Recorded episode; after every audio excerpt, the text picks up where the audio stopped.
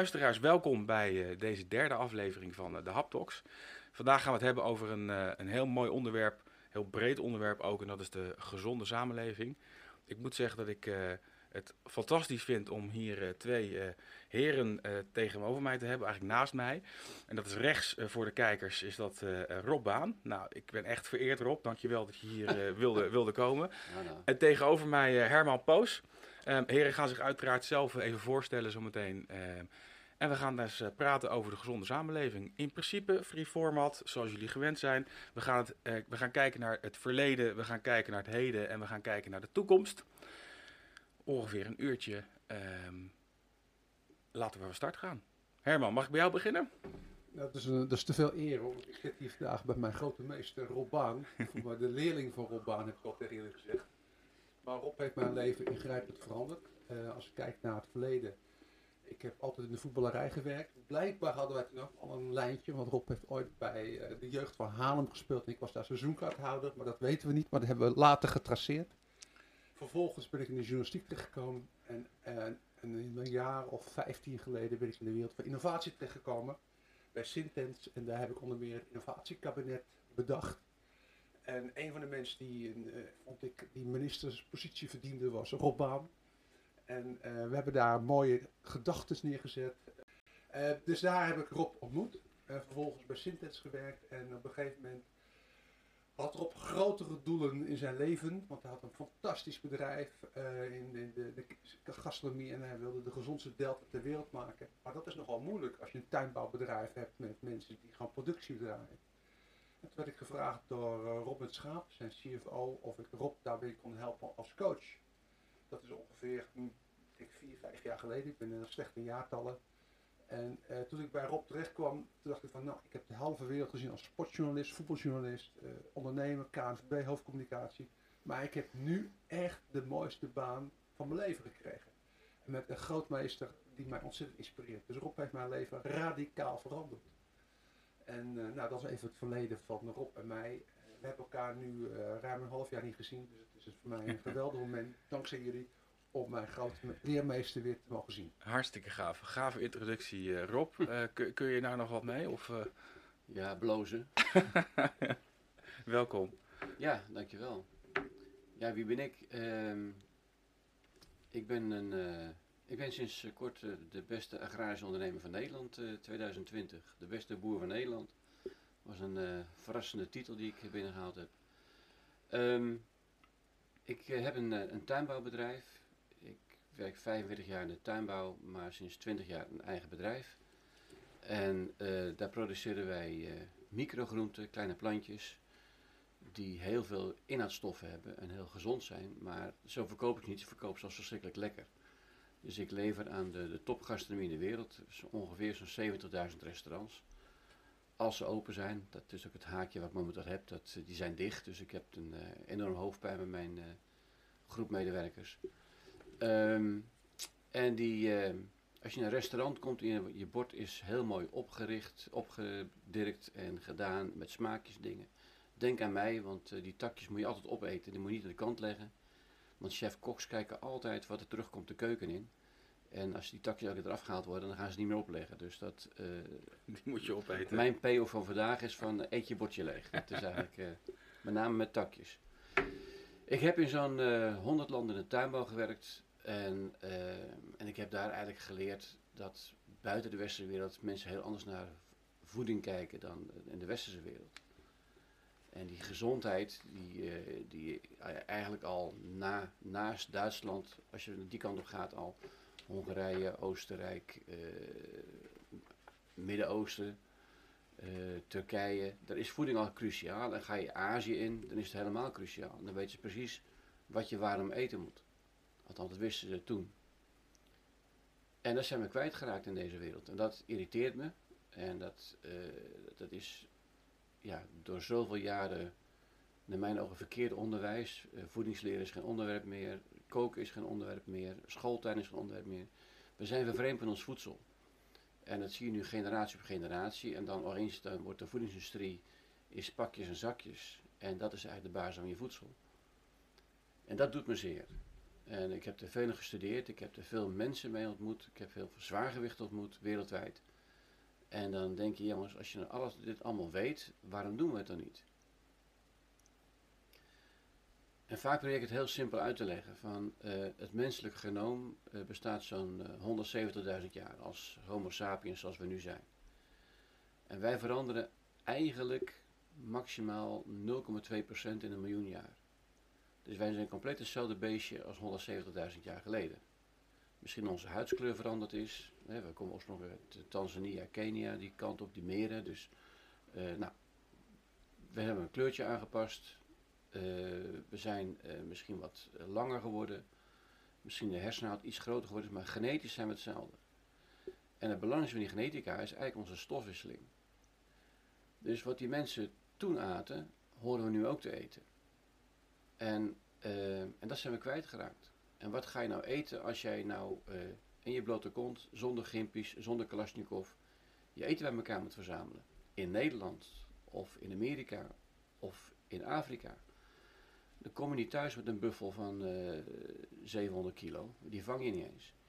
Je vangt een ratje, een muisje, een konijntje, een eend, de eieren van een eend, een kip, maar je eet voornamelijk planten. Dus wij zijn eigenlijk planteneters die soms wat dierlijk eiwit binnenhalen.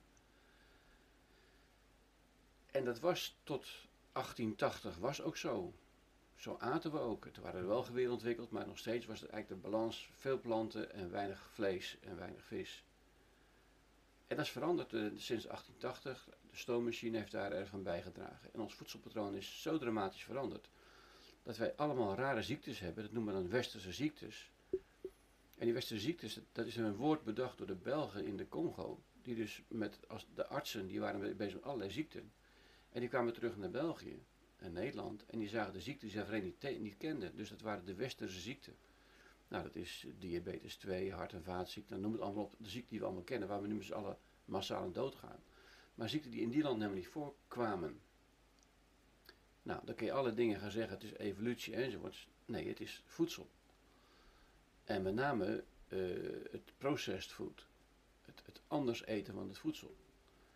En dat heeft natuurlijk zo'n enorme slinger genomen de afgelopen jaren. Dat wij ja, eigenlijk alleen maar mensen nog kunnen repareren die verkeerd eten. Hm. En dan kom je bij een onderwerp uit en denk ja, wat, waar ben je nou mee bezig? Wij Nederland zijn een de belangrijkste tuinbouwlanden van de wereld. We zijn massaal en heel goed in groente produceren. En de consumptie is zo laag. Hoe kan dit nou? Wat kunnen we daaraan doen? Nou, maar weten we dat ook, Rob? Waar, waar dat door komt? Waarom we dat zo weinig eten? Nou ja, je moet eerst kunnen koken. Dat is wel handig. ja, dat is zeker ja, dus als je geen kookles geeft, dan komt het er niet. Als je dan vervolgens uh, een kind ook geen, de keuze laat en na stap 1 al zegt, het hoeft niet meer. Mm -hmm. uh, en, en professor Jaap Sadel die zegt heel duidelijk, als jij een kind uh, voedsel aanbiedt en hij vindt het niet lekker, spruitjes, ja. bied het 15 keer aan, dan eet hij het wel. Maar geef niet één keer op. Je verliest, je verliest je, de toekomst van je kind eigenlijk een hele korte periode, dat je, geen, geen, dat je zelf geen, geen kracht hebt ervoor. Dus die voeding is cruciaal. En het, ja, ik snap dat begrijpend leren op school ontzettend belangrijk is. En rekenen ook belangrijk is. En taal en, en, en, en foutloos schrijven. Maar overleven in deze maatschappij waar de, de, de, prikkel van voeding, de verkeerde voeding zo gigantisch is. Mm -hmm. Dat is eigenlijk heel gevaarlijk. We, we, we, laten eigenlijk de kinderen straks ongewapend van school komen voor een industrie die meedogenloos is. Mm -hmm. ja, we zijn zo traag met alles. Als je nou kijkt hoe lang we erover doen in Nederland voor de, voor de suikertax. Nou, waarschijnlijk, als er een nieuwe, nieuwe coalitie komt, Ja. misschien Misschien. dat dat lukt. Maar de VVD is tegen. Ehm, roken. In, in 2018 is er een convenant geschreven over roken. In 2024 gaan we beginnen met implementeren dat het wat minder in de supermarkten verkocht wordt. Ja. En dan zijn we in 2040 er vanaf. Jongens, hallo. Als je het vandaag weet, kan je het vandaag doen. Als je vandaag weet wat voeding is, dan hoef je er geen 80 onderzoeken naar te doen. Dat is al lang bekend. Ja. Nou, Rob, mijn, mijn oma, hè, die, eh, die zei altijd tegen me, ik kom uit een Italiaans gezin overigens, Mhm. dus met mij is alles met de risotto-lepel ingegooid. Ik had jou ook dat, eh, aan de telefoon natuurlijk al eventjes uitgelegd. Ja. Eh, eten is een sociaal gebeuren, hè, dus Eh, overigens is alles wat bij een Italiaan in de- op de dag gebeurt, is een klein drama. Dus dat moet s'avonds ook eh, uitgevochten, uitgepraat en afgezoend worden tijdens het eten. Anders gaat het niet goed. Eh, maar mijn oma zei altijd joh, vertrouw geen dingen Robin die ik niet gekend heb. Nee. Die heb ik vaker gelezen overigens Ja. in boeken. Eh, Ja. Michael Pollan heeft daar bijvoorbeeld een mooi, eh, mooi boekje over geschreven. Maar de gekkigheid is wel, is dat, ehm, ik ben een heel slecht voorbeeld. Ik ben namelijk wel opgeleid als kok. En jarenlang ook gekookt. Dus ja, ik weet hoe het moet. Ik weet ook zeg maar dat ik vaak niet goed doe, zeg maar. Met vier kinderen. Maar vaak is natuurlijk ook tijd en dat soort zaken is een, is een, is een, ehm, een drempel, zeg maar. Hè. Wat gaan we vanavond eten? Mijn vrouw overigens, die heeft ook acht jaar lang, is een van de influencers geweest bij Smulweb. Weet ook hartstikke goed hoe ze moet koken. Nou heb je twee van die mensen in huis. En dan zitten nog steeds met elkaar aan te kijken van, joh, wat zullen we vanavond eens gaan eten? Ja, ik heb geen inspiratie. Ken je dat? Nee, Zo gek. nee, dat ken ik dus niet. Nee, maar het is echt, ik, begrijp, ik begrijp het soms zelf ook niet hoe dat, eh, hoe, hoe dat moet. Ehm, Herman, hoe gaat dat bij jou thuis? Ja, wat ik al zei, Rob heeft een bepalende invloed op mijn leven gehad. Ik, ik, eh, ik was al jong eh, verantwoordelijk voor kinderen. Mijn vrouw overleed heel jonge leeftijd. Toen moest ik mijn kinderen verzorgen. Ik had een hele drukke baan bij de KNVB. Echt heel veel onderweg. En dan heb je een zoon van zeven en die lust geen spruitjes. En dan ging nou weer een pot appel moest overheen. En dan moest hij 's ochtends nog even naar school gebracht worden. En dan kreeg hij sultana's mee. En alle rotzooi waar ik zeg, we, hebben nu, we lachen nu ons hartelijk uit, wat was jij een slechte vader, zeg maar zo. Hij is gelukkig op tijd veranderd door de verandering van Rob, want nu ben ik super gezond. Maar qua eten bedoel Qua je? eten, nou Ja. mijn, mijn huidige vrouw, die wordt gek van mij, zegt ze. Want als jij kookt, en ik kook graag zelf, elke dag anders. Ja. Bijna altijd groente. Als ik je vlees eet, zeg ik, ik geloof dat mijn maag een beetje verstreken is. Dus ik ben echt, ik, niet dat ik nou vegetariër ben, een veganist, maar ik eet Ja. heel gezond en elke dag anders. Ik, ik, Ja, dat herken ik wel. ik, ik zoek altijd nieuwe recepten op. Ja. We kijken in de koelkast, wat hebben we, wat gaan we maken. Dus ik ben eh, helemaal omgeslagen. En dat, eh, ja, dat is eigenlijk, de man die hiernaast zit, is daar verantwoordelijk voor.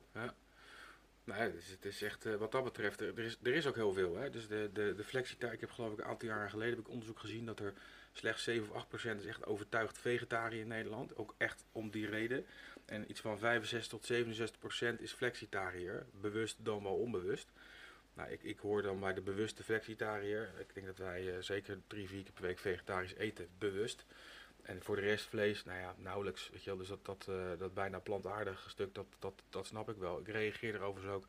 We zijn er een jaar of twee geleden echt mee begonnen. En ik merk ook dat je dat mijn lijf er ook echt beter op reageert. En ga je grote stukken vlees eten. Maar goed, dat is niet de inhoud van deze, deze podcast. Anders krijg ik straks allemaal mensen over me heen, denk ik. Ehm laat me even omhoog trekken. Ehm, als we praten over een gezonde samenleving, hè, dat, dat zegt nogal wat. Dat is nog best wel een heel groot woord. Ik heb er van het weekend eens over nagedacht. Gezonde samenleving. En dat kun je natuurlijk in allerlei aspecten en hoeken drukken. Eh, maar dat gaat natuurlijk ook over het welzijn van mensen en economische gelijkheden en al dat soort zaken. Maar als we hem even toespitsen, zeg maar, als het gaat over eten. Rob, jij gaf net al een hele mooie aanzet. Eh, ik had hem ook opgeschreven, maar jij kwam er zelf mee met het eh, 1880 eh, eh, eh, stuk. Kan je daar eens wat over vertellen? Want dan hebben we een mooi haakje richting het verleden. Oké, even uit mijn hoofd. Ehm, Paul Clayton eh, gaf een keer een toespraak in, in Wageningen. En, ik, en ik, ik, voor mij was ik de enige in de zaal die, die helemaal opgewonden raakte van zijn verhaal. Het waren allemaal professoren zaten erbij.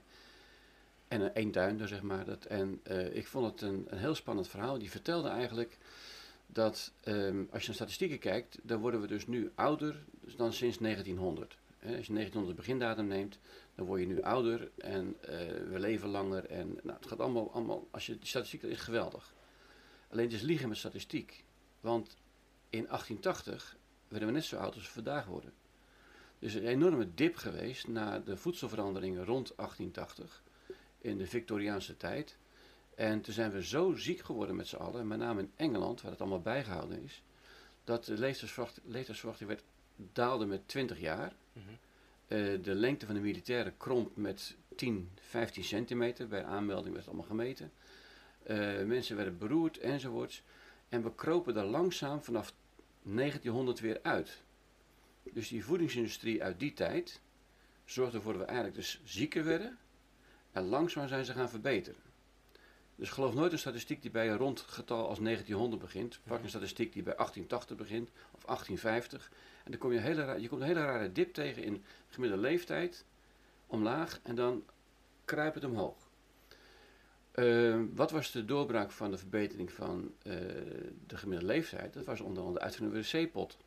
Ja. Want kindersterfte was een groot, eh, groot issue. Nou ja, dat is heel simpel. Een kind van vier dood gaat en iemand van 80. Gemiddelde leeftijd is dan 42. En eh, ja, weer dan met 42. Ja, zo ken ik er nog wel 12. Eh, ga kijken naar de graven. En je gaat kijken, in, ook in, in, eh, in kerken in Nederland. Mensen werden best wel oud. Ook heel veel mensen overleefden het niet. Maar de mensen die begraven werden, die dus beter hadden, die beter aten, die werden net zo oud als wij vandaag worden. Dus dat hele verhaal van ouder worden, dus dat is, en dan een keer de kwaliteit van leven. Want ja, kwijlend tien jaar naar buiten kijken, van 80 naar 90, ja, daar wordt ook volgens mij niemand wijzer van. Ik kijk er niet naar uit, laat ik het zo zeggen. Dus dat hele onderzoek van Paul Clayton was voor mij een eye-opener van hoe het vroeger was. En, eh, en de uitvinding van de stoommachine gaf eigenlijk aan, eh, suiker was opeens een stuk goedkoper. Door machinale verwerking, de stoommachines konden die suiker makkelijker verwerken. En, en een oud boekje, ik, ik geloof dat Herman het gevonden, iemand had het gevonden in mijn, in mijn club. Een boekje uit 1300 zoveel, die gaf aan de prijs van suiker. Een kilogram suiker kost hetzelfde als 164 eieren. Of eh 20 kilogram boter. Niet te betalen dus. Nee, ja, dus als Ja. je het nu gaat kijken. En dat verklaart ook waarom bijvoorbeeld Suriname zo belangrijk was voor Nederland. Dat was ook één grote suikerproductielocatie, een, een wingewest. Waar suiker, dat dus verschrikkelijk duur was, eigenlijk verschrikkelijk goedkoop in elkaar gestampt werd. En goedkoop uit, eh, uit de grond getrokken werd. En met goedkope arbeid een heel duur product werd. Dus Suriname was inderdaad aantrekkelijker dan Manhattan, waar we toen moesten ruilen. En eh, ga je in, in Noord-Australië kijken, en Cairns en zo, waar die suikerplantages stonden. Dat was gewoon echt geld verdienen. Nou, die consumptie van suiker was nooit zo hoog voor 1850, 1880. Dat werd daarna opeens massaal ingezet. Een andere stap die ingezet was, was dus eh, patentbloem. Die stoommachine kon dus meel heel fijn malen. Ja. En als je het heel fijn maalt, Amerikaanse patent. ja, Ja. dan maak je het, dan is het dus, kijk, als je meel maalt, wat lees je nou een keer over, over brood? Brood gebakken van vers gemalen meel. Want oud gemalen meel, dan gaan die, die, de- gaat, alles gaat een beetje rotten en, en, en, en, en, en, en, en vies worden. Dat, dat proef je. Dus je moet vers gemalen meel hebben en dan bakken. Tenzij je het patentbloem maakt, dus extreem geperst alles eruit. Dat is zo schoon, er zit niks meer in. Nou, en dat kan je heel lang bewaren.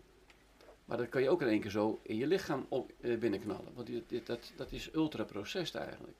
Dus zelfs dat is al ultra-processed, eh, Rob. Ja, ja. Dus denk eens aan je, aan je pasta's en zo. Die, Ja, eh, ja. ja.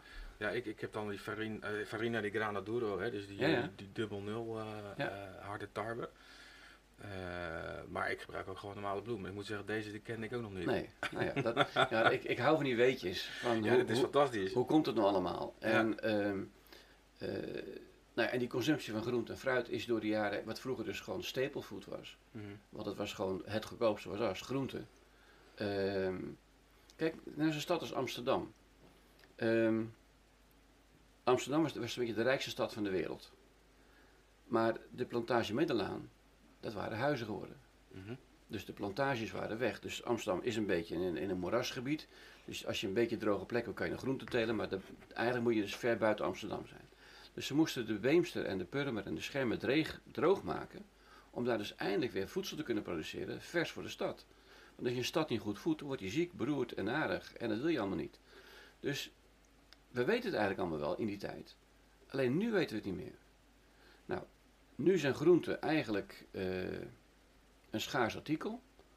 Het is niet duur om te maken, want een kilogram kool, dat kost qua productie weinig. Een kilo aardappels kost weinig, uien weinig. Maar door het hele verkoopapparaat wordt het best een duur product. En, en wat een, een, een, Maar dan praat je Rob over de korte en de lange keten, toch? Of niet? Of is dat eh, weer iets anders? Nou, dat, ik geloof er niet zo in dat die ketens zoveel verschil maken. Nee? Nee, nee, nee, nee. Ehm, is een lange keten eh, boontjes uit Kenia? Is dat voor jou een lange keten? Nou, nee, dat, dat heb ik al, trouwens, altijd wel gedacht trouwens, dat de lange keten iets is wat van ver komt. Maar dat schijnt dus ook allemaal niet echt zo te zijn. Het schijnt zeg maar hoeveel, hoeveel Schijven. partij, hoeveel, Ja. over hoeveel schijven gaat het. Ja. Hè, als het vanuit hier eh, Boer Hoogland is, de Amersfoort, rechtstreeks naar mij komt en ik haal het bij hem, zit er gewoon niks tussen. Dus Nee. ook geen opslag. Nee. En waardoor natuurlijk eh, het verhaal eh, dat de boer niet de juiste of de teler niet de juiste prijs krijgt. Dat, zo heb ik het begrepen op een Ja, gegeven die, moment. die true pricing is het meest ingewikkelde. Ja. En ik, ik heb het verhaal van die boontjes uit Kenia. Dat ik, ik heb dat zelf, ik heb zo ook een, een, een tuin in Kenia gehad. En ik heb, er, ik heb het goed bekeken. En als jij hele fijne boontjes met de hand wil plukken in Nederland, dan kost het ongeveer 40 euro de kilo. Ja. En wil je ze ook nog een keer allemaal netjes met dezelfde neusjes allemaal dezelfde kant op leggen, dan kost het nog een keer een tientje extra. En wil je dan ook in de supermarkt kijken, kost er nog een tientje bij. Dus dan praat je over 60 euro de kilo. Ja. In Kenia kan het met de goedkope arbeid daar makkelijk. Mensen hebben werk, hebben inkomen, hebben geld. Die stapt niet in de boot in Libië om naar Europa te varen. Dus eh, ik, ik ben altijd wat genuanceerder over de boontjes uit Kenia. Dat zo maar zeggen. Ehm, want je moet mensen ook werk gunnen daar zo. Dus die true pricing is belangrijk. Als die mensen een goed salaris krijgen en ze hebben goede huisvesting en het wordt allemaal geregeld, dan, dan klopt dat wel. Ehm, maar die, die ketens, ja, dat, dat urban farming, wat nou helemaal dus het, het, het woord is, ja, je krijgt er puistjes van. Ja, het lijkt me niet heel verstandig om iedereen dat te laten doen, denk ik. Nou ja, ehm, waarom moet je nou in de stad produceren, waar je eigenlijk naast de stad produceert? Als je kijkt naar alle oude landkaarten, en ik ben erg van wat, hoe was het vroeger? Mhm. Eh, want als je in heel veel landen reist, dan is vroeger ook vandaag vaak. Je produceert groente naast de stad, want groente is de dagbehoefte. Dus elke dag moet je verse groente hebben. Dus een cirkel rond de stad. De eerste cirkel is de groentekweek. De tweede cirkel is de veehouderij. En de derde cirkel is de akkerbouw. Dus kijk, aardappels of granen komen één keer in de, in de zoveel tijd de stad binnen. Eh, vlees, dat kun je ook eens in de week doen. Eh, melk doe je meestal in de stad. Dus koeien werden vroeger in de stad gemolken. Dus dat is even een dingetje dan. En eh groente werd elke dag vers gebracht. En dat was gewoon de, warmoest, de warmoestraat. En dat waren de plekken waar dus die groente verkocht werd. Groente was basis. Mhm. En de rest kwam erbij. En eh, dat is helemaal omgedraaid. Het is nu eh, vlees en pasta's en dingen. En, en, en homeopathisch worteltje erbij. Een homeopathisch worteltje erop. Ja, dat is, dat komt een beetje. Nou ja, dat, ja, je, je hebt ook in de, in de keuken gewerkt. Op een gegeven moment was de, de, de, eh? novel cuisine. Dat was op een gegeven moment zo van. eh, Oh, zo. een bord met niks en dan eh, twee worteltjes maximaal afgeschraapt. En dan. Mooi getourneerd, zeg maar. ja, en dat was- eraf. ja, dat, dat noem ik het homeopathische worteltje op het bord. Dat, het. een klap vlees en dan een, worteltje naast. Nee, het- het- je eten wordt bestaan uit een, een, een enorme prak groente. En misschien voor de smaak een stukje vlees, voor de jus of wat dan ook. Maar niet andersom. En ga een restaurant kijken, dan is het meestal dus eh, een, een klap vlees met dan het homeopathische worteltje erbij. Dus ook die gastronomie zag dat, van dat klopt niet. Dus dat Dutch cuisine, waar ik Mhm. dan zelf ook nog een beetje actief in ben, eh, een, een, een stichting die, eh, ja, die kijkt echt naar van hoe hoort de maaltijd eruit te zien. Dat is lokaal. Ja, waarom moet je dingen van ver halen? Nou, behalve die worteltjes dan waarschijnlijk. Ehm, in het seizoen. Nou ja, dan denk ik van ja, er zijn in de afgelopen 500 jaar best wel dingen bedacht, zoals kassen. Ja. Dus je kan wat, wat verlengen in het hele verhaal. Klimaten veranderen ook. Dus wat vroeger in, te koud was, kan nu weer wel. Enzovoort. Dus je kan wat dingen meer doen. Ehm, en, eh, en voornamelijk plantaardig. Dus 80-20 regel. Dus een, het Dutch cuisine zegt nu, een bord hoort te zijn 80% eh, planten, 20% beest. Als het dan moet. Eh 80% in het seizoen, 20% van buitenseizoen. 80% lokaal, 20% van buiten de regio. En dan heb je eigenlijk een bord voor je neus liggen dat je dus smaken herkent. Mhm. Wat zij Dutch cuisine, als je ergens in Kopenhagen gaat eten, dan weet je niet dat je in Kopenhagen bent. Tenzij je een Noma gaat, die er helemaal dus zijn werk van Ja, maakt. Nordic cuisine. precies. Maar, maar heel veel keukens, ja, er ligt een, een, een, een, een spaghetti bolognese. Ja, wat moet je- waarom moet je naar Amsterdam een spaghetti bolognese eten? Mhm. Trap je op je ziel waarschijnlijk, maar... Nou ja, Ehm, spaghetti bolognese bestaat eigenlijk niet eens, hè, officieel. Nee, maar, maar je- kijk, naar, kijk naar het bord en je weet waar je bent. Ja. Dat is leuk. Dat hoort zo, eigenlijk. Dat wordt leuk. Ja. En, en, en is er ook veel meer eer in die groenten te behalen. En in die waarde van die groenten. En die kleur op je bord enzovoort. dus ja, daar zoek ik naar. Mhm.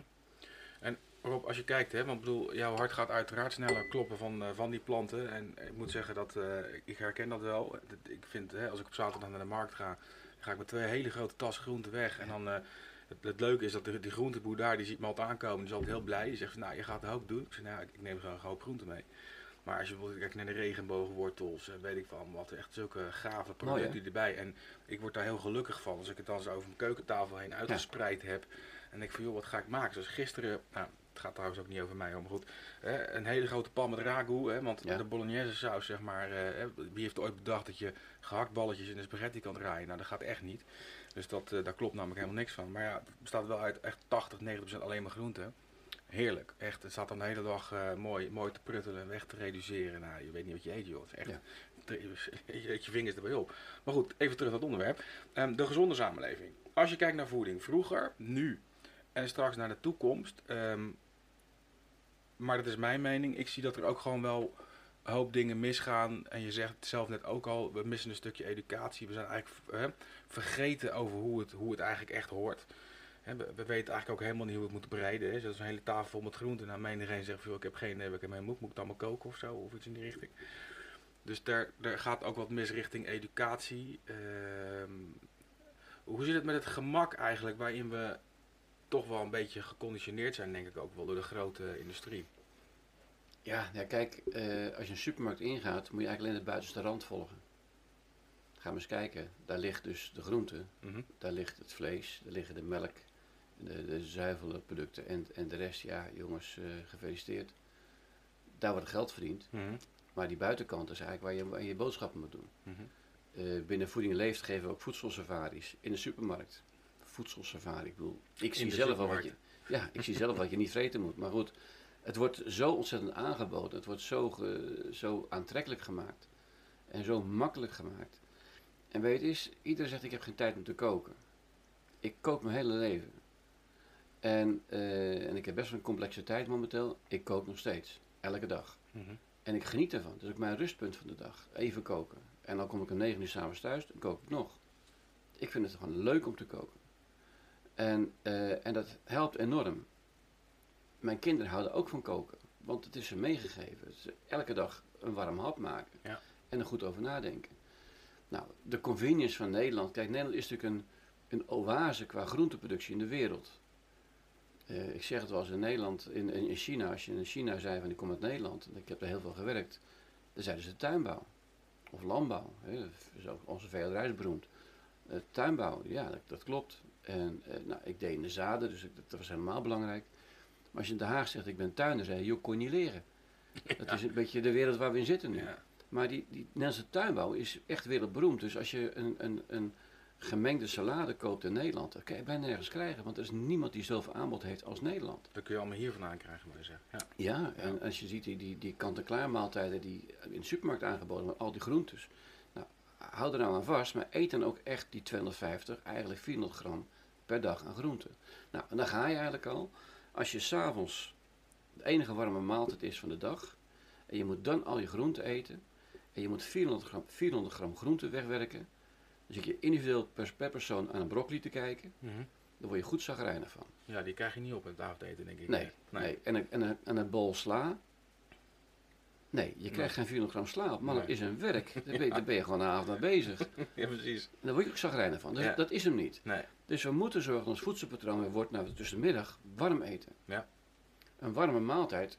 In mijn bedrijf heb ik zo'n restaurant. Rob en Bob, doe ik met Bob Hutten samen. Ehm, tussen de middag een warme maaltijd. Mijn mensen beginnen om 's morgens om 6 uur. Die hebben geen tijd om 's morgens nog eventjes de courgettes te grillen en dan tussenmiddag eh, lekker smakelijk op te eten. Dus dat doen wij voor ze. We zitten wat verder bij, bij, de, bij, de, bij de winkels vandaan, dus mensen kunnen, die moeten 's morgens een boterhammetje meenemen. Ja, een boterhammetje, er zit ook niet zo gek veel in. Dat is Mhm. eigenlijk calorieën eten en dan, en een plakje kaas erop. En dat is het dan. Nee, je moet die groente eten. Dus door die groente aantrekkelijk aan te bieden, tussen de middag, met een goede soep. Want een soep is, als je een goede soep maakt, zit er heel veel groenten in. Dus Mhm. het geheim van onze chef eh, Robert is de soep. Want dan zeg je, nou ik hoef geen groente. Nou neem een bakje soep, Heb je op. dan heb je al 150 gram te pakken. Ja. En wat je dan s'avonds eet, moet je dan zelf eten. Maar je hebt ieder 150 gram te pakken. Ja. Dus die... Maar kinderen, die worden natuurlijk... En van kinderen ook helemaal, als je kijkt naar die scholen. en Ik ben er echt mee bezig. We hebben in Nederland als een van weinige landen in Noord-Europa een tropenrooster. Wie bedenkt het woord tropenrooster in de winter in Nederland? Ja. Ja? Dan eh, hebben ze een kwartiertijd om, om wat te knabbelen en dan moeten ze om twee naar huis doen. Terwijl elk ander land in, in West-Europa heeft een schoollunch. Nou, dan kun je praten over de kwaliteit, want het is ook allemaal een beetje vaak in de voedingsindustrie omlaag gegaan. Maar waarom hebben we nou geen lunch op school voor de kinderen met een warme maaltijd? Eens. Ja. Dus we gaan nu in, eh in Al van der Rijn eh, een, een pilot draaien met een aantal eh, lage zes wijken. eh, lage sociaal-economische status. En ik heb de school heb ik gekeken en als je die, die maaltijden ziet, die kinderen dus met meenemen, dat zijn inderdaad de, de, de, de sultana's en de, de- en de, en de, en de Red Bulls en, en, en, en of dan de goedkope versie dan. En die kinderen krijgen een roze koek en, een- en, een- en een frisdrankje mee tussenmiddag. Of een euro, doe het zelf maar de boodschappen. Er is altijd wel een Duitse supermarkt vlak in de buurt waar je het kan halen. En, en dat is die kinderen lunch. Dus die hebben vaak 's morgens nog geen ontbijt gehad. Nou, dat, dat trekken ze nog wel. Dan krijgen ze die, die suikerrush. Die, die stuiteren als een idioot door die klas heen. Die klassen draaien helemaal niet. En een goede maaltijd geeft rust in een kind. Mhm.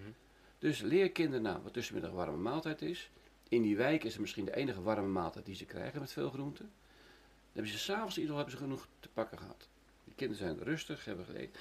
Dus we gaan nu, dat komt een beetje nou de kans, eh, we hebben de NOW-regeling. Er zijn heel veel cateraars stil. Ja. Dus ik heb gezegd van nou ja, als de cateraars stil liggen, dan kunnen ze voor NOW-prijs ook werken. Dus de arbeid is dan eigenlijk grotendeels betaald door de overheid. Groente is de grootste kostenpost niet.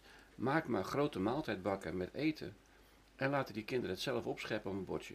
En tussenmiddag eten. Nou, dat gaan we nu doen in, eh, in Alphen de Rijn bij twee scholen. Vind ik heel spannend. Ja. Want ja, er wordt al heel veel gepraat over voeding. En we hebben allerlei instanties, joch, eh, jong leren eten, noem het allemaal op. Maar er komt geen maaltijd op tafel. Nou, nu gewoon een maaltijd op tafel. Klaar daarmee. En dat, en dat onderzoeken komt wel een keer. Het is natuurlijk al lang bewezen dat kinderen gezond eten als ze beter op school opletten. Mhm. Dat is helemaal niet ingewikkeld. Ja, dat is maar goed. Wat zeg je? Het, aanbod en wat ze meekrijgen is natuurlijk gewoon het grote probleem. Hè, de- de- Ja, maar die ouders weten het ook niet, hè? Eh, veel niet, nee. Die ouders Nee. komen uit een generatie dat ze dus nooit les hebben gehad in koken. Ze hebben nooit geleerd eh, wat, wat, voeding, wat, eh, voedingsleer. De, wat, zoals mijn, mijn, mijn moeder altijd noemde, de Spinazie-academie is heel lang geleden opgegeven. Dus ook huismoeders, voor zover ze bestaan, hebben geen les gehad in wat voeding eigenlijk is. Mhm. Hoe een maaltijd eruit hoort te zien. En de fantasie in het keuken is gewoon weg. Nou, heel veel tv-koks, hartstikke leuk. Maar kijk eens naar de ingrediënten. Het is best wel ingewikkeld. Dat moet je allemaal wel in huis hebben. Ja. Dus je Ja. moet, het, het, het moet, ik ben zelf medeoprichter geweest van 24 Kitchen, dus ik weet echt waar het over gaat. Maar het is nog niet zo makkelijk om mensen aan het koken te krijgen. En iedereen, en de reclame zegt constant, u heeft geen tijd om te koken. Ja. Doe het lekker makkelijk. Nou, die, die, eh, die, die begrijp ik ook wel. Want volgens mij wordt er altijd heel erg ingespeeld op het feit dat je geen tijd hebt. En dat normaal koken eh, heel veel tijd kost. Hè, want, eh, en en dit, is, dit is eigenlijk je oplossing. Hè? Het pakje waar eigenlijk alles al in zit. Ja. Dus je hoeft alleen maar een beetje water erbij te doen en dan is het klaar. Ja. Ehm, maar goed, laten we niet te diep daarop ingaan. Ehm, want daar vind ik uiteraard ook wel wat van. Hm. Ehm, als je kijkt zeg maar, naar, eh, we hebben het aangeraakt zeg maar, dat onze industrie veranderd is door een stuk eh, industriële revolutie. En mensen zijn de stad ingetrokken, waardoor natuurlijk ook grote delen van het landbouwareaal zeg maar, wellicht ook bebouwd zijn als, eh, als suburbs, et cetera. Ehm, het eten wat, wat wij toen kenden, zeg maar, is eten wat nu op dit moment anders is. Hoe zit dat zeg maar, met groenten? Eh, Worden groenten anders geteeld op dit moment dan, dan vroeger, eh, Rob? Nou, ehm, ja, er, er is een rare, rare beweging gaande. Dat, die, die, die zie ik ook een beetje. Wat een beetje. We zijn in de tuinbouw zoveel mogelijk bezig om nu eigenlijk onbespoten te telen. Want los van alle regelgeving, we willen het zelf niet. Het is hartstikke duur, het is ingewikkeld. Dus als het even kan zonder bespuiten, doen we dat. En als we bespuiten, dan doen we dat in een hoekje van de kast bijvoorbeeld. De- daar heb je een witte vliegplaag, nou, daar moet je vanaf. Dan zit heel je kas onder, dus dat hoekje wordt bespoten. Ingewikkelde van de overheid is, die, keurt, die zegt dat, dat je heel je kas gespoten is. Terwijl je maar een hoekje van 10% gedaan hebt. Mhm. Dat telt als één mee, dus je mag maar 10 keer spuiten, nou, dan is dan één is dan weg. Dus is de neiging te zeggen, nou dan spuit ik heel de kas maar. Dus het effect is eigenlijk averechts. Ehm, dus de meeste tuinders werken eigenlijk al bijna insecticidevrij. En als ze dat doen, zijn het middelen. En heel vaak biologische middelen, die net zo goed meetellen als Ja, bespuit. slijpwespen en weet ik Ja, wat. ja maar ook, ook, ook biologische middelen die gewoon, eh, gewoon organisch zijn en waar er niks in zit. Dus de Nederlandse groente en fruit wordt redelijk goed schoongehouden. Ehm, als je dan kijkt op een, op een, op een kaart, dan heb, je dus, dan heb je dus biologisch, gangbaar. En nu gaan we naar urban farming. Dan gaan we vertical farming doen. En dat is eigenlijk dus in een donkere, een donkere ruimte met ledverlichting, dus zeg maar Philips. en kunstmest. Dus ik zeg dat urban farming is helemaal niet duurzaam, maar dat gaat eigenlijk dus helemaal de andere kant op. Het staat compleet tegenover biologisch. Dus ik vraag me af wat mensen nou willen. Wil de consument nou biologisch? Mhm. Of wil je nou een slaapplantje dat in een donkere ruimte geteeld is Ja. met kunstmest? Is dat nou... Ja. Nou, daartussenin moeten we nu zoeken. En technieken als eh, biologische mest wordt steeds interessanter. Alleen je moet te maken met voedselveiligheid. Dus je moet wel heel veel dingen aan aan kijken. Het is nu een high-tech industrie geworden. Ja. De tuinbouw is echt heel ver, heel modern, heel bijzonder. En eh, ook heel leuk om in te werken. Ik vind het echt spannend. En we zijn allemaal dingen bedenken nu die steeds moderner worden, steeds slimmer worden. En met de kleuren licht kunnen heel veel dingen doen. Mijn kast is paars, s'nachts. Dat, eh, dat geeft echt een hele mooie kleur. kleur. Ehm, als het scherm open gaat, dat hebben we even gedaan voor eh, tv eh, recentelijk. Dat we, dat we de hemel van het Westland paars gemaakt hebben. Nou, dat was onze kast. Nou, dat zie je op vijf kilometer afstand. Je schrik je rot. Ja. Dus dat doen we normaal niet, want normaal zit het scherm dicht, dus dat zie je helemaal niet. Maar dat was eventjes voor de tv. Allemaal gelijk auto's kwamen kijken van, eh is kan er langs Ja. wat is dit nou weer? Dus die technieken worden steeds beter, eh, de meststof wordt steeds beter, het spuiten is, is bijna achterhaald.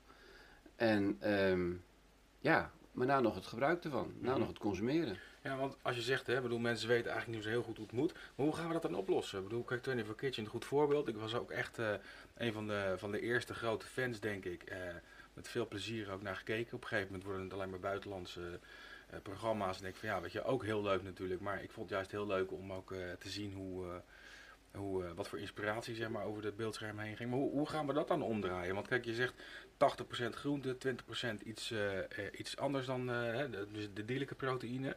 Maar als we dan allemaal toch niet meer aan het koken zijn, we hebben fantastische producten, maar hoe gaan we dat dan oplossen? Ja, ik denk dat we gewoon bij de kinderen moeten gaan beginnen, bij de jeugd. We gaan gewoon weer gewoon resetten. Ik ben met eh, Simon Groot, dat is de winnaar van de World Food Award. Dat zou je ongetwijfeld zeggen. Niemand weet het. Ja, Dat- in, in Nederland. Nee, Simon Groot is eh, 84. Ik was gisteren bij hem. Simon Groot is eh, in het grondlegger van een heel groot zaadbedrijf in Azië, East West Seeds. En die heeft met name voor de arme mensen dus zaden ontwikkeld. Dat het dus gewoon, die gewoon ook zaden kunnen kopen. In plaats van de dure zaden uit de westerse wereld. Mhm. En eh, De ru- Simon, de ruiters van deze wereld. En, eh, ja, goed. Ja. En Simon die kreeg dus de World Food Award. Ja. Nou, dat is op de schaal van, dat is een Nobelprijs voor de land- en tuinbouw in de wereld. En op de schaal van Richter gaf het een piep en toen was het weer voorbij. Ja. Ehm, ik ben agrarisch ondernemer van Nederland. Je hebt ook mij op tv overal gezien. Not. Want ja, boze boeren zie je wel op tv, maar een- de beste boer van Nederland zie je niet op tv. Dat, dat zijn van die irritaties. We kunnen onze boodschap niet vertellen.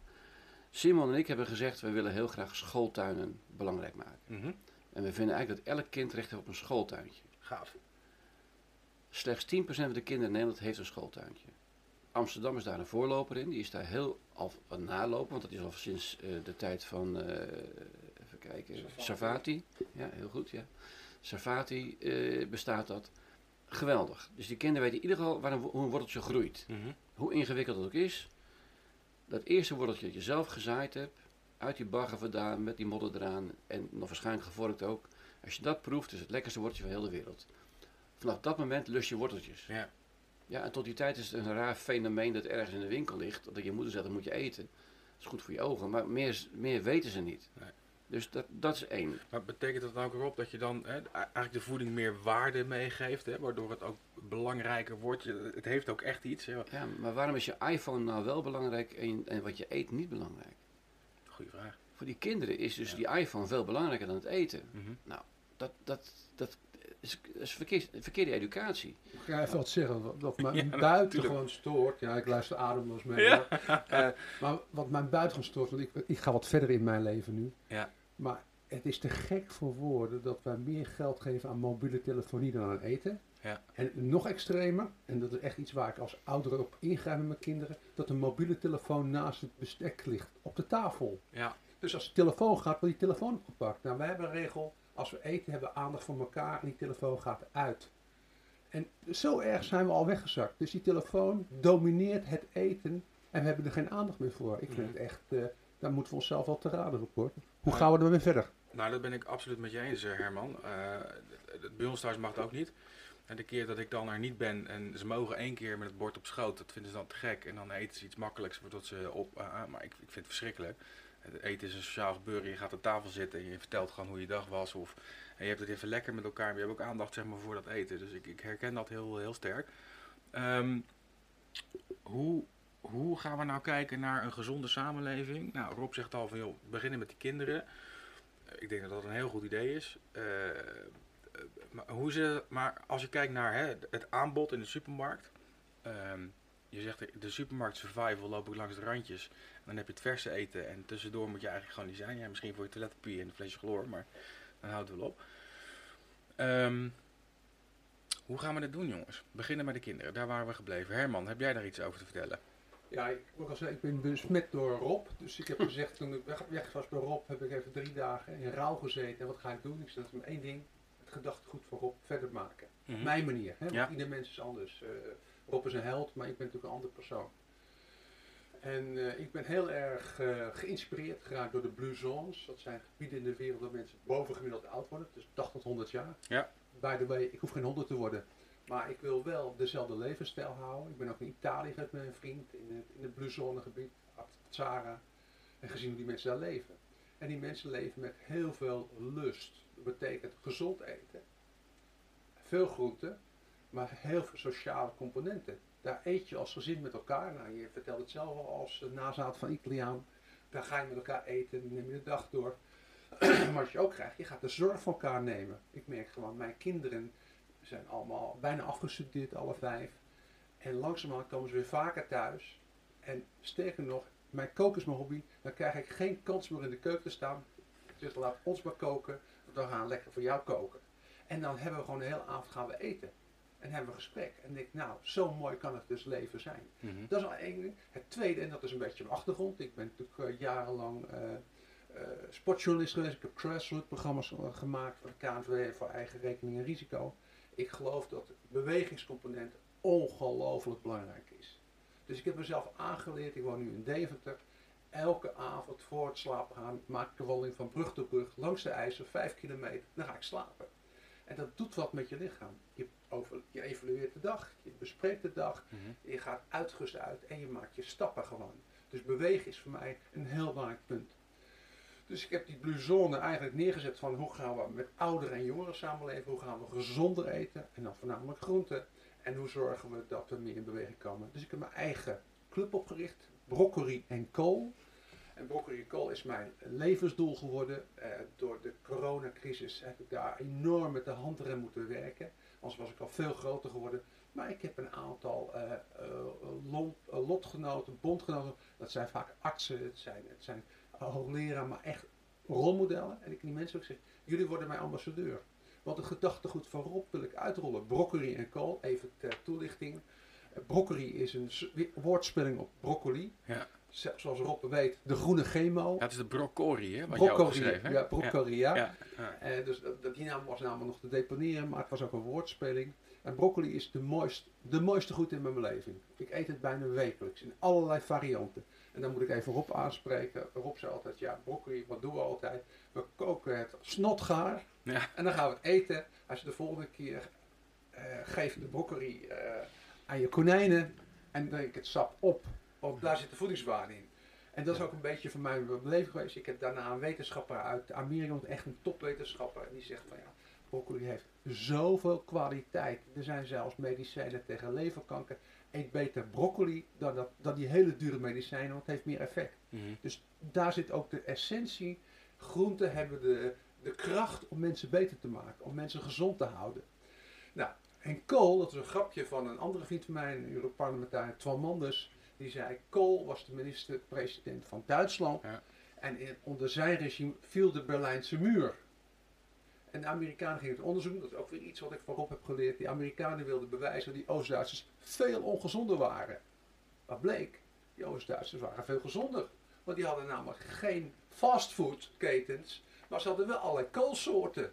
En dat maakte die mensen zo weerbaar en veel gezonder.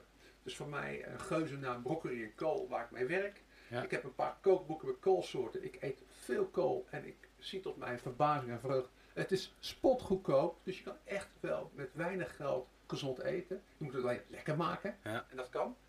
En vervolgens ook dus, nou, ik wil met die, met, met die groep mensen eh, wil ik groter worden. Nou, dat zal straks weer kunnen als we weer bij elkaar kunnen komen. Maar in de tussentijd wil ik al nadenken, hoe ga ik echt groot worden?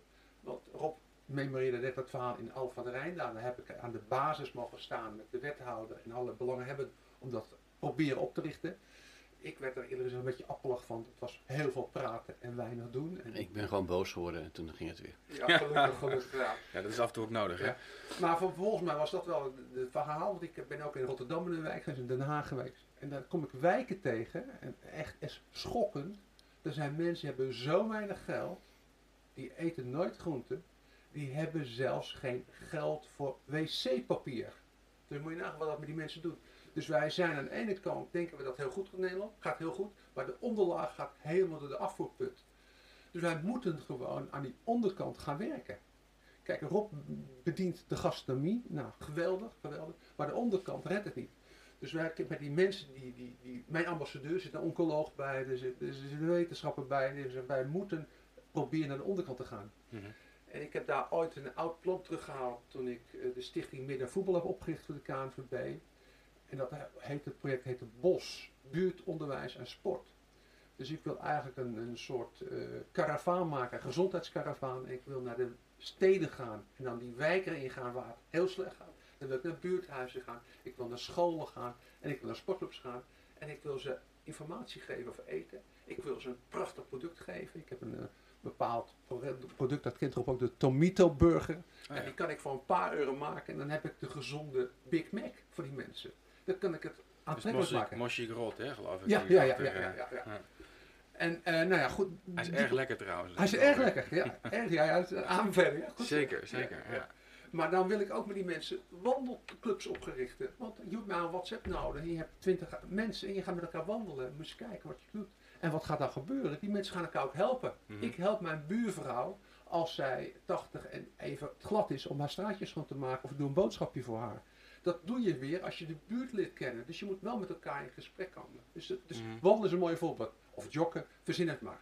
Maar zo kun je dus allerlei dingen doen. Wij hebben in onze straat hebben wij een tuintje achter een buurtcentrum. En daar plikken wij onze rozemarijn en de kruiden. Dat doet onze buurvrouw. Ik heb nu zo enthousiast geworden. Ik heb nu een aanbod gekregen van de gemeente Deventer om in het gemeentehuis, daar hebben ze een tuintje over, om daar een volkstuintje te beginnen. Nou, was toch geweldig Geweldig. dat ik met mijn buurt naar mijn volkstuintje ga wandelen en daar ook nog wat groenten ga plukken. Maar kijk, eh, En dat bedoel ik dus, dat is nu is het wel zo dat jij bent erg gepassioneerd, hè? En, en Rob natuurlijk ook. Ik denk dat we hier echt nou, aan, aan, aan, aan grote arrogantie grenzende passie hebben voor eten en drinken aan tafel. Dus op zich is dat wel hè, heel goed. Maar er zijn ook heel veel mensen die dat niet hebben. Hè? En ik gooi me toch maar even in. Je, je haalt het net zelf aan. Die, die onderkant, hè? dus de mensen die het gewoon een stuk minder hebben dan wij. Hè? Wij- kunnen waarschijnlijk gewoon ook echt andere beslissingen nemen als wij inderdaad voor dat schap staan. En we gaan weer naar die supermarkt survival op. Ehm, maar voor heel veel mensen, die hoor ik ook heel regelmatig langskomen. Van ja, nee, goed eten en gezond eten is duur. Ehm, eh, ik, weet, ik weet zelf eerlijk gezegd niet zo heel goed hoe ik daar antwoord op moet geven. Kunnen jullie mij daar eens mee helpen? Nou, ehm, het bizarre is dat Nederland heeft de goedkoopste supermarkten van heel Europa. Wij zijn dus goedkoper dan, dan Portugal, Mhm. dan, eh, dan Italië, dan Spanje. Ehm, goedkoper dan Duitsland. En dat klopt ook niet, want we zijn de duurste landen van de wereld, dus onze kosten liggen ook hoger. Onze medewerkers worden wel officieel betaald, dus niet als in Spanje. Ehm, dus er is, er is een heel raar verhaal aan het.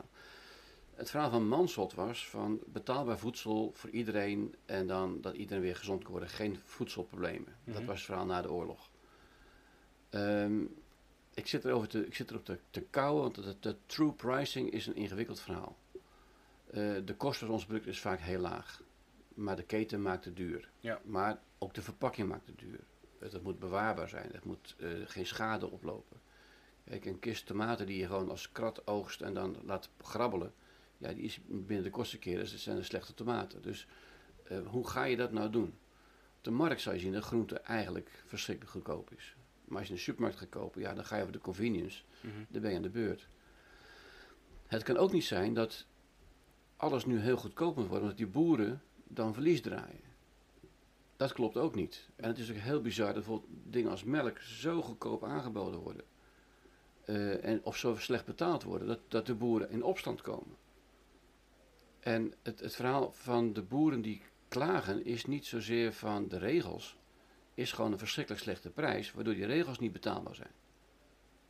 Ja, dat is, het is anders. Dat, is, dat, dat zien die boeren zelf ook niet. Die zijn erg boos over die regels. Maar het bedrag dat ze krijgen voor die melk is veel te laag. Zou het bedrag veel groter zijn, was die discussie er niet. Ehm, waar wil ik heen? Je kan in Nederland voor de laagste bevolkingsgroep met, met, met inkomens van, van misschien 200, 300 euro in de maand geen voedsel produceren. Dat moet de overheid bijspringen. Mhm. En je moet zorgen dat, eh, dat goed voedsel beschikbaar komt op een of andere manier. We zijn zo uit elkaar gegroeid in Nederland nu qua, qua rijk en arm. En corona helpt er erg zwaar aan mee, dat, het, dat die schisma nog groter wordt. Dat ehm, het voor veel mensen onbetaalbaar wordt. Goed eten. Goed eten, ja. Maar de gezondheidskosten zijn ook onbetaalbaar. Ja. En het is natuurlijk te gek voor woorden dat je dus 100 miljard over hebt om mensen te repareren die verkeerd gegeten hebben. En, en dat je ook nog een keer winst maakt op de belasting op eten. Ja. Ja, heel simpel. Dus, dus Hoe- verlaag, hoe kan dit de belasting op eten. Hoe heeft het kabinet het kunnen bedenken om de groente en fruit, dit kabinetszitting, te verhogen van 4 naar 9 procent? Ik bedoel, los dat het een heel klein percentage En is. suiker goedkoper. En, en nou, in ieder geval niet belast. Ja. Ja, je, Maar- ziet- je ziet, maar- hè, sorry, dat zijstapje, eh, Herman, in Engeland, waar die suikertax wel is, zie je al met 25% reductie hè, op Ja. de hoog suikerhoudende drank. Dus het Ja. werkt wel. Ja. Natuurlijk werkt het. Ja. Maar het is, het is veel makkelijker, want het is het goedkoopste ingrediënt. Om daar niks van om te zeggen, ja, moet aanvullend onderzoek is nodig en, en, en ja, dat is niet bewezen enzovoort. Het is hartstikke bewezen. Het is allemaal met roken. Haal het toch op, joh. 2018 zeggen we stoppen met roken. 2024 gaan we het uitvoeren. 2040 moet er voor elkaar zijn. Hou op. Hou op. Ja. Ja, dus maar ik denk ook erop dat maar die, we, maar die, we zitten ja? nu in een fase met corona dat we moeten weerbaarder worden. We moeten gezonder worden. Ja, maar het We kabinet, moeten het kabinet zegt het nog niet, hè? Nee, maar los daarvan, want ik, ik wil niet, nou, het kabinet is verschrikkelijk wat, zo, wat gedaan is, laat ik dat vooropstellen. Maar ik geloof heel erg in een burgerbeweging dat we als burgers moeten laten zien dat het anders kan en anders moet. Dit moeten we niet willen pikken, gewoon. Echt Maar niet. hoe gaan we dat dan doen, Herman? Bedoel, Nou, eh, het, eh, het eerste van, eh, gek genoeg, en dat zal eh, ook moeilijk te kosten, mij ook, minder boos worden. Want ik geloof met boos worden gaan we het niet veranderen. We moeten het laten zien. We moeten het laten proeven. We moeten het laten zien. Ik noem bijvoorbeeld de markt. Ik ga ook elke zaterdag naar de markt en ik koop ook twee grote tassen van wat groente. Daar ben ik 20, 25 euro maximaal kwijt. Maar maximaal, heb ik de hele week groente. En als ik zie, als ik om vijf uur ga, niet dat ik dat iedereen wil aanbevelen, dan is het nog voor de helft van de prijs. Dus als je echt geen geld hebt, niet dat ik mensen daar wil toejuichen dat ze dat moeten doen, is groente echt niet duur. En dan kun je het ook doen. En dan kun je mooie producten maken. Maar vervolgens moet het wel lekker gemaakt worden. We moeten die mensen gewoon verleiden om mooie producten te maken en te doen. Maar ook in beweging. Want ik ben ervan overtuigd, ik ben nu met heel veel eh, eh, grote rondom keerdiabetes om, maar ook eh. Je leefstijl als medicijn. En ik zie die voorbeelden. Met alleen eten komen we er niet. Die mensen moeten ook in beweging komen. Je hebt Voeding discipline nodig. hè. Dat, dat is echt cruciaal. Het zit dus in je hoofd. En als je dat weet, ga je het anders doen. En dan ben je fitter. Kun je opeens werken. Kun je ook meer dingen aanpakken. Ja, ik heb me ooit wel eens laten vertellen dat het, doorbreken zeg maar, van het neurale pad, hè, wat je hebt, eh, hebt, bedacht voor jezelf, dat het allerlastigste is om, eh, om eh, te doorbreken. Vorige week nog een hele mooie discussie met een aantal grote bedrijven. Ehm, en je kunt het wel allemaal gaan aanbieden op een goede manier. Alleen de, de, de, de verandering in het gedrag, zeg maar, is een van de lastigste die, daar, eh, die daarin zit. En want ik denk ook eh, dat, eh, zeker nu in coronatijd, dat onze gezondheid, zeg maar, is dat het, het, het, wordt alleen maar duidelijker zeg maar, hoe weerbarstig het eigenlijk is. Hè. Komt er een pandemie, zeg maar, je kunt zomaar ineens iets krijgen. Ik krijg zelf het gevoel, in mijn omgeving in ieder geval, dat mensen ineens denken van ja, je moet toch wat beter gaan eten en je moet meer gaan bewegen. Ehm, eh, ik ben benieuwd of dat zo blijft. Wat denken jullie? Nou, dus, dus- kijk, er zijn van die life-changing moments. Ja. Ehm, ik noem wat als voorbeeld, als je met eh, je hond naar de dierenarts gaat en dat ding is veel te vet, dan zegt hij, geef je de krenk te vreten. Wees geen huisarts die tegen zeggen, joh vriend, zou jij niet eventjes 20 kilo afvallen Nou, onderhand? dat is het, weet je. Dan zeg je van, joh, Dat ik is- heb, dat is last van mijn knieën dan vallen ze 40 kilo af, weet je. Ja, Misschien maar, dat het. maar als je in je onderbroekje staat bij die huisarts, dan, dan voel je opeens wel heel erg eh, kwetsbaar. Dat is een moment om aan te pakken. Maar Het- weten die ziek- huisartsen dit? ziek- Weten die huisartsen Nee, dit? helaas, eh er wordt nu veel aan gedaan. Ja. Ook de jonge artsen krijgen nu les in eh eh, dus een club eh, arts en eh, leefstijl. Ja. En nu ook student en leefstijl, student en voeding, hoe heet het vroeger. En die krijgen zaterdags extra bijles, een extra curriculum van artsen, professoren die het ook spannend vinden. Dus eh Koen Joost, eh Lisbeth van Rossum, eh Hanno Peil, dat zijn allemaal artsen die gewoon, dat, wetenschappers die de tijd aan spenderen. Dus trainde trainers, dat is, Mhm. dat is één. Precies. Ja. Maar, maar ziekenhuizen. Ik bedoel, waar komt het woord ziekenhuisvoedsel vandaan? ja, hoe, het is hoe, verschrikkelijk. hoe, kan je, hoe kan je het nou, de plek waar dus gezondheid zo cruciaal is, Ja. ja? Dat is een moment om mensen te inspireren. Van als je nou zo eet, knap je ook op. Ja, maak het vooral zo onaantrekkelijk mogelijk, wil je zeggen. Dan knap je in ieder geval niet op. Nou ja, ik, ik, ik, ik maakte het mee. eh, mijn, mijn vrouw is niet gezond en, dan, en die heeft last van de darmen. Dus die had een operatie gehad, of een, een kleine ingreep. En eh, wilt, u wat, eh, wilt, wilt u een bouillon? Nou, daar kwam er zo'n pakje van, de, van, dat, van dat zout met, ja. En wilt u een boterham? Dan werd een witte boterham met hagelslag. Ik zei, hallo, dit zijn, dit zijn nou drie producten die alle drie niet mogen. Als je nou, ja dat weet ik niet hoor, dit is gewoon wat de cateraar bedenkt. Jongens, dit kan niet. Nou, Als een heel mooi als- voorbeeld. Hè. De kok heeft tegenwoordig geen pollepel meer, maar alleen een schaar. Hier staat een, eh, in deze ruimte Oh ja. Rudy Krabbe van Stichting Eten en Welzijn. Dat is ook een van de initiatieven die ik graag ondersteun. en zij zeggen, voeding moet een medicijn zijn. Ja. Als je het gaat omdraaien, kun je mensen Eens. sneller laten herstellen in een ziekenhuis. Dat kost een fractie meer, met enorme effecten voor de kosten van de gezondheidszorg. Ik heb met Eten en Welzijn gezien, die maken kookboeken op culinair niveau met de kressen van Rob. Mhm. Het kan dus wel. Dan moet je misschien iets meer betalen, maar aan de andere kant wordt het goedkoper. Nog een voorbeeld. Ik werk in Amersfoort samen met een huisarts, Karel Bos, leefstijlarts. Een eh, gemiddelde huisarts heeft ongeveer 2000 patiënten. Hij heeft er 3000. Kijk. Doet hij vier dagen. En waarom? Omdat hij alles baseert op preventie, op leefstijlinterventies. Hij gaat met zijn patiënt af te wandelen. Mhm. Hij zegt, het kost in het begin heel veel tijd. Maar nu zie ik, ik probeer de mensen gezond te houden in plaats van beter te maken. Wij zijn helemaal overgeleverd aan de farmacie. Ja. Dus we moeten het anders doen. Een arts heeft maar een paar uur gezondheidskunde. Een van eh Maar mijn de- zonen is, die, die, die- zijn vriendin is arts. Nou, die krijgt alleen maar farmacie. We moeten het toch omdraaien. Maar Hippocrates heeft het toch al lang en breed verstandig op Ja. papier gezet, hè? Heeft hij niet gezegd. Heeft hij dat niet gezegd? Was het Nee. Socrates? Nee. Was het nou? Nee, laat voeding u gezond, eh, laat, Ja, laat voeding dat- medicijn zijn. medicijn, Precies. Ja. Ja. Nee, dat is, eh, dat is in rond 1700 bedacht, maar het is wel een heel mooi, Oh, mooie waar? Ja, ja, dat was de tijd dat iedereen graag met Latijnse kreten elkaar... eh, Let food be thy medicine. Ja, ja, medicine be thy food. Nee, top. dat, eh, dat heeft hij niet gezegd, maar Nee. het was wel een hele goede man. Ja, maar kijk, alle gekheid op een stokje. Kijk, we weten allemaal dan wel, hè, we hadden het net over corona, veel gezondheid is ons grootste goed. Ehm, eh, wat je erin stopt, zeg maar, dat haal je er ook uit, denk ik. En andersom ook, als we blijven eten wat we niet produceren, of we eten wat we, hè, zo zijn er allerlei clichés te noemen. Ehm, maar goed, stap naar nu hier, wat gebeurt er nu? Hè? Want ik denk dat we in de meest, nou ja, eh, life-changing moment, wat je zegt erop, op alle vlakken. Ja. Eh, Covid, eh, privé, zakelijk, zijn allerlei zaken die daar natuurlijk, het, het treft iedereen en het treft anderen nog veel harder. Ik wil het zeker niet bagatelliseren, maar aan de andere kant denk ik ook wel dat het een hele aparte tijd is om na te denken over dit soort dingen. Denk je dat dat gebeurt? Ik mis, eh, maar ik, ik, ik hoor net van hem, ik kijk er wel naar de overheid. Ik mis hier eh, de kracht van eh, de maatschappij die zegt, jongens, laten we het nou eens anders doen. Nederland heeft alle tools in handen om de gezondste delta van de wereld te worden. En die kennis ook een keertje uit te gaan delen. En te verkopen, te vermarkten. We hebben Wageningen, we hebben, we hebben negen medische universiteiten. Wij kunnen hier met onze kennis, we hebben de tuinbouw, we hebben een hele goede veehouderij. We hebben hier eigenlijk alle tools om geweldig goede en gezonde dingen te maken.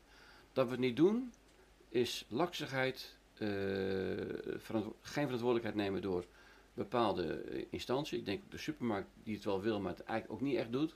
Want het levert al heel veel geld op die Coca-Cola. Ehm, dus ik, ik, ik had zo gehoopt, we hebben voor het eerst in onze carrière als overheid een, een, een, een staatssecretaris voor preventiebeleid. Ik had er echt spierballen van verwacht. Van, Oké, nou is het afgelopen dat gedoe. We weten het allemaal, we gaan het nu anders doen. Ik hoor ze niet. Ik hoor ze echt niet. En eh, er zijn een paar artsen die opstaan. Mhm. Zoals Liesbeth Verrossen, Hanne Peil, Koen Joost, die zeggen, jongens, Tamara, jongens, afgelopen, nou, nou moet je Ja. ingrijpen. Jacob Cedeel. Ja, ja, Ja, zeker. Sorry. En, Jacob. ja, met, Jaap Jacob. was ja, maar het is allebei goed. Ja, precies. En Seidel of Seidel mag ook allemaal. Ook Dus toch? het- ja, hij is, hij is multi-inzetbaar. Ik word zo meteen niet gebeld in ieder geval, Ja, gelukkig. Nee hoor. Maar we weten het en nou nog even doen. Ja. En we hebben ook, kijk, als je kijkt naar, naar dingen als milieu. Die kinderen hebben vroeger op school veel over milieu gehad. Mhm. Een batterij in de vuilnisbak gooien, dat zeggen die kinderen. Nee. Ja, ouders, foei, dat mag je niet doen. Je kan via de kinderen ook de ouders opvoeden. En als die kinderen tussen de middag goed te eten krijgen en het inspireert ze, dan opeens kan het wel. En kinderen onder elkaar eten makkelijker dan als moeder zegt van het moet. Ja, maar goed, de, de- mooie, mooie loop trouwens weer terug daarin. Want je zegt, de cateraars die kunnen nu op dit moment daarbij helpen om Ja. die scholen te gaan, eh, te gaan koken voor die scholen. Hè, maar straks zijn ze straks wel weer aan het werk. Hè? Nou, eh, Dan zien we het dan wel weer. ja, eens. Ja, we hebben nog een half jaar. Ja. Dus het, het, het, hele, eh, de NOW loopt tot juni volgend jaar. Ja, je zou zeggen, eigenlijk je kunt nu een perfecte pilot starten om te laten zien zeg maar, dat het kan werken. Ja. Zeg ik dat eh, goed of Ja. niet? Rob? Ja? En dan straks dan zien we wel hoe, waar, hoe we daar weer een mouw aan passen. Ja. Kijk, Maar zo werkt Nederland niet. Hè. Wij gaan het onderzoeken, we gaan het rapporten, we gaan heel veel praatgeld investeren. Er gaan allemaal mensen met elkaar praten. Maar er komt geen bordje bij de kinderen op tafel. Dat was mijn argument in Al van der Rijn. Jongens, hou nou op met het geouwe hoer. mhm. Ga nou gewoon zorgen dat die kinderen een bord krijgen. Ja. En als dat dan werkt, dan gaan we daar weer dan verder opereren. Maar eerst zorgen dat die kinderen allemaal een bord warm eten krijgen. Oké, en dat is dan via de kinderen naar de ouders. Hè? Nou, raakt maar daar. Ik heb vier kinderen, dus wat dat betreft eh, zitten ze bij mij nog twee op de basisschool, twee het voortgezet onderwijs, net eh, in de eerste en één in de tweede. Maar hoe, hoe zouden we dit dan zeg maar, op individueel niveau kunnen doen? Dus naar de mensen zelf. Ik bedoel, niet iedereen kan opgevoed worden via zijn kinderen. Maar hoe gaan we de mensen nu helpen dan?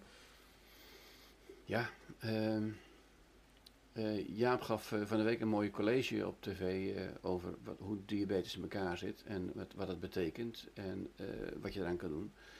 Dat is wel een stap. We kunnen er meer informatie over geven, maar het is ook met z'n allen de prioriteit kiezen van ja, natuurlijk, ik, ik begin ik weer over het, het, het begrijpen, het lezen, hartstikke Ja. belangrijk. Maar Ik heb nou wel een suggestie hoor. Ja? Ik geloof heel erg. ehm, ben een beetje klaar met de politiek. Ik vind dat die echt eh, hun verantwoordelijkheid gewoon niet nemen. Mhm. Helemaal gedomineerd wordt door de, de lobbyisten. Dat is echt eh, heel schrijnend in Nederland. En daar hebben we een staatssecretaris van die er helemaal onder de plak zit bij de lobbyisten, zeg ik erbij. Maar wij kunnen het ook omdraaien. Als de burgers vinden dat het anders moet, dan gaan de grote partijen ook echt wel veranderen. Als je kijkt naar Lidl, die is onder druk van de samenleving echt wel anders dan gaan kijken naar suiker. Naar producten, die wil de suikerverhoudingen verminderen. En dan krijg je ook de verandering dat de, de, de bedrijven, de toeleveranciers er anders mee omgaan. Dus ik geloof heel erg druk van onderop, dan, dan komt die verandering echt in gang. Dankjewel. En ehm, ik geloof heel erg dat, eh, dat het bij ons begint. Wij moeten de rollen pakken. Het is toch te gek voor woorden dat, eh, dat de suiker zo goedkoop is. Dat eh, we zo ongezond eten. Als je druk legt bij de, bij de supermarkt, dan gaan ze veranderen. Ik weet dat Albert Heijn echt wel aan het veranderen is. Die ziet gewoon, dit is niet houdbaar, dit systeem. En ze gaan meer supermarkten veranderen. Alleen zolang de lobby nog zo groot is. Een voorbeeld. Eh, Red Bull. Het bu- re- reclamebudget van, van Ja, Red Bull is groter dan het hele reclamebudget van groente en fruit in heel Europa. Dan moet je nagaan wat voor invloeden wij krijgen.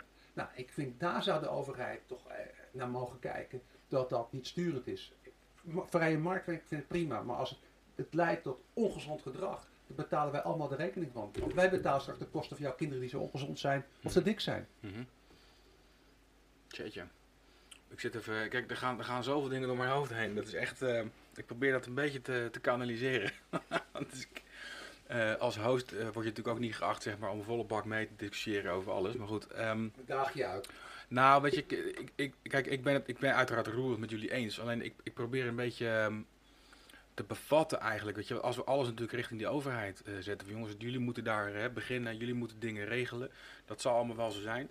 Eh, ik denk ook zeker dat dat nodig is zeg maar, om voor de lange termijn natuurlijk ook zaken Nou ja, goed eh, te anders werkt het niet. Nee, bedoel, precies. je- Ja, ze je- moeten geen slecht gedrag belonen. Ja. Als je, dan draai je het even om hoor. En als Ja. je de vrije markt overlaat, ja, dan is natuurlijk het, het, het, het is zo gauw gewin dat dat wint. Dan is het goedkoop gewin is gewoon het makkelijkste. Ja. Ja. Dus je zal iets moeten gaan doen. Maar eh, ja, hopen dat je mondige eh, consumenten gaat krijgen. Ja. Die komen ook meer en meer. Maar vergeet dan niet dat je dan echt een, een verschil gaat krijgen tussen een, eh, een lage zeswijk en de grachtengordel. Mhm. Dus eens. En, en, en daar wordt een hoop herrie gemaakt. Nou, die kindjes zullen wel goed eten, denk ik. Maar die lage zeswijken t- draaien daar niet in mee. Dus eh, ook de tv's zouden wat meer tijd aan moeten gaan besteden. En, en eh, tv-programma's zouden we meer energie moeten gaan steken. We hebben Mhm. nog een sociale verantwoordelijkheid. Mhm. En je kan niet hebben dat, het- dat het één groot schisma wordt tussen arm en rijk. En eh, goed eten en slecht eten. Als je hoorde, de reactie die er waren, dat, dat, dat, dat, dus, dat dus dikke mensen in de eerste COVID-ronde de Sjaak waren. Ja. Wat een herrie erover kwam. Dat er was discriminatie van dikke mensen. Ja, maar leg dan uit dat je weerstand ontzettend verlaagt als jij dus niet goed eet. Ja. Dat je lichaam niet in, in een weerstandsfase zit. Ja, hoe slechter je eet, minder weerstand je hebt. Het is niet zo bijzonder, maar leg het uit. Ja. Nou, dat hebben we dus, die hebben we laten lopen, die kans. Dus uit de tweede ronde blijkt dat er heel veel mensen zijn met een, eh, de armere wijken nu aan de beurt zijn. En veel eh, mensen met een migratieachtergrond. Mhm. Leg het dan die mensen uit. Ga er nou energie in steken in plaats van repareren. En, en dat is, het lijkt wel of wij alleen maar kunnen repareren in plaats van preventie kunnen gaan denken. Dus volgende kabinet geen staatssecretaris van preventiebeleid, een minister van Minister, preventie. ja precies. Ja? Ik heb al heel lang geleden in, in een TEDx-speech gezegd, we hebben een minister van Voeding en Gezondheid nodig. Dus nu is minister van Landbouw, die, die moet zorgen dat er veel geproduceerd wordt van alles, dat alles ook goed gaat en dat het allemaal geregeld wordt en lage nitraattoestanden. Maar die gaat niet over wat er gemaakt wordt. En ik heb Sharon Dijksman een keer geplaagd. En toen had toen een getweet van eh, dit jaar de hoogste suikeropbrengst per hectare ooit. En ik zei, nou dan kan mevrouw Schippers wel een extra bezetje gaan vrijmaken. Die was toen nog voor VWS. Ja. Dus Sharon belde me op joh, moet dat nou? Ik zeg, ja, ik zeg, een inkoppertje. Als je goedkoop suiker gaat maken, veel Ja, suiker gaat maken, dan krijg je een ander probleem. Dat is een, een raar product, suiker. Moet je daar wel zoveel van maken? Ja, het heeft ook andere toepassingen. Tuurlijk, ik weet precies wat je zegt. Ondertussen eten we veel te veel suiker met z'n allen. Ga dan andere dingen doen. Nog een voorbeeld. Je moet eens kijken naar het beleid van fastfoodketens. Plaatsen altijd een fastfoodketens in de buurt van scholen. Ja. Nou, ik durf te zeggen, op, op 100% daar gaan de gezondheidskosten sky high worden. Want die mensen worden gewoon regelrecht de afvoerputten ingedrongen. Ze worden verleid. Ja. Elke gemeente kan een, een ruimtelijk ordeningplan maken om te voorkomen dat in een straal van 200 tot 500 meter geen fastfoodketen komt. Het is, de, het is gewoon zelfmoord. Kijk, de overheid, ik, ik vooral niet de overheid dat ze moeten, ons moeten sponsoren, maar ze moeten niet het beleid zodanig ruimhartig bedienen dat er ongezondheid wordt bevorderd. En dat vind ik wel op dit moment Zeker, een groot zeker in de, buurt, in de buurt van die scholen natuurlijk. Maar goed, Rob zegt wel, het basisschool is één. Hè, de, de laatste duizend dagen hè, hebben we ook wel eens wel eh, wat dingen voorbij zien komen. Hè, dus die 15, 18. duizend. De eerste duizend. Ja, de laatste duizend, hè? Oh, Ja, ja. van 15 tot 18, want dat schijnt ook eh, erg, die. belang- Ja. erg belangrijk te zijn, zeg maar. Ja, dat is niet de laatste duizend dagen van je leven natuurlijk, maar wel in die fase waarin je ehm, ja, veel ontwikkelt, zeg maar, om eventueel later last te krijgen van obesitas, et cetera. Ja. Dus in die tijd hele roze koeken en de, en de, en de, en de, Maar- en de energy drink. Maar als je kinderen dus weerbaar maakt van de lagere school af naar die Ja. Verdoemde middelbare school, waar dus die kantine is, waar dus de kantine betaald wordt door die apparaten die ernaast staan. Ehm, eerst zorgen die kinderen weerbaar gemaakt zijn, Mhm. dat ze weten wat lekker eten is, Ja. dat ze dat niet meer willen eten wat er aangeboden wordt. Dan kan je een change van binnenuit krijgen. Maar het is best moeilijk, hè? Want Ja. eh, kijk, de challenge mij ook hierin. Eh, Mijn oudste, zeg maar, die is eh, eh, nu bijna 14. Die zit nu 2 HAVO. En eh, die weet echt wel wat lekker eten is van huis uit. Ja. Hè? Maar goed, laatst ook van de week een hele discussie over. Want ik zag ik toch dat dit 9 euro gepint had, zeg maar, was zijn rekening. Ik denk, waar heeft het kind nou 9 euro voor nodig, weet je wel? Als je een keer een broodje koopt of iets anders, het is geen 9 euro. Nou, dat is, gewoon, natuurlijk gewoon de zak chips en de, en de, en de frisdrank. Die overigens bij ons eh, een keer een chipje is niet zo erg, maar frisdrank komt er bij ons gewoon echt niet in. Maar je voorkomt het ook niet helemaal, weet je wel? Dat ze toch verleid worden, zeg maar, om daar toch Ja. dat te gaan halen. En laten we wel wezen, al die goedkope spullen zijn ontzettend lekker. Ja, maar er zit ook van alles in, zeg maar. Om Heel het ook gewoon eh, mee je blijft het eten. Ja. Ja.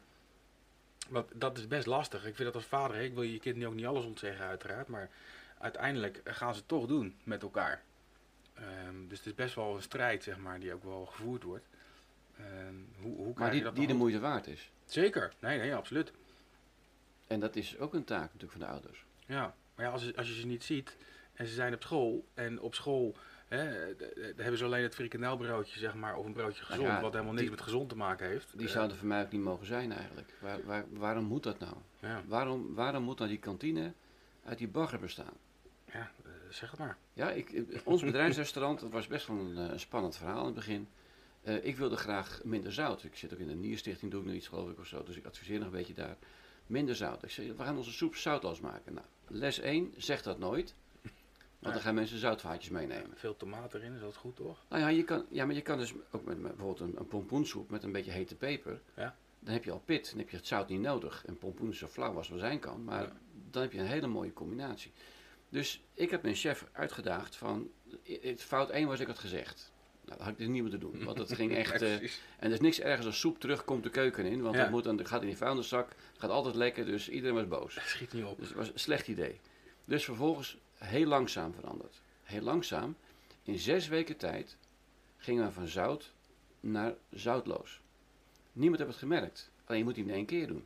Nou, je moet ook dingen toevoegen, toe gaan voegen om En, het interessant en te het houden. voedingscentrum heeft dan ook nog, of het, het, de Nierstichting heeft dan van die zoutvaatjes zonder gaatjes.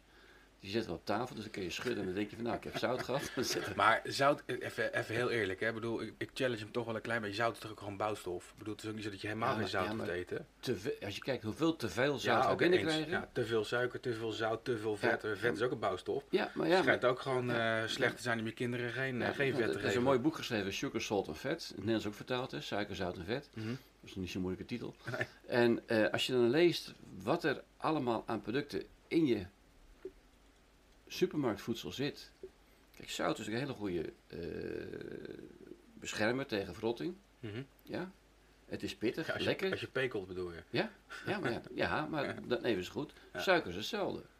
En vet, het goede vet is ook een goede beschermer. Dus je kan dingen extreem houdbaar maken. Mhm. Waarom moeten dingen nou extreem houdbaar zijn? Waarom moet een koekje nou een jaar Maar dan praat je over pekelen of confijten of wat dan ook, weet je wel. Op die manier behoudbaar houden. Ja. Maar vet zelf en zout zelf heb je toch ook een klein beetje nodig om je hersenen Jawel, te maar goed, ontwikkelen. en maar, je- maar, maar je hebt dus vetsoorten, ik denk wat een, palm, eh, een palmvet. Ja. Ja? Ik bedoel, je kan, als je een koekje lang... Kijk, als jij een koekje bakt voor thuis, dan is het twee, drie dagen. En dan moet hij Ja. echt, dan moet je zo bol als wat, dan moet, moet hij weg. Ja. Moet hij op zijn. Ja. Die koekjes die jij koopt in de supermarkt, die kan je gewoon een jaar, twee jaar, drie jaar, vijf jaar houden. En we pakken hem weer terug, hè? Ik bedoel, want dat over de Amerikaanse patenten, hè? Is ook Ja. weer echt weer super terug naar het verleden. Ik heb vroeger ook geleerd, zeg maar, als je echt een bros koekje opbakt, heb je Zeelse bloem nodig. Ja. Hè? Maar eh nou heb ik echt getracht, zeg maar, om Zeelse bloem te kunnen kopen ergens. Nou, dat kun je dus gewoon vergeten. Geen één supermarkt heeft het. Misschien nog ergens een reformzaak of iets dergelijks, of een molen, als je die al in de buurt hebt.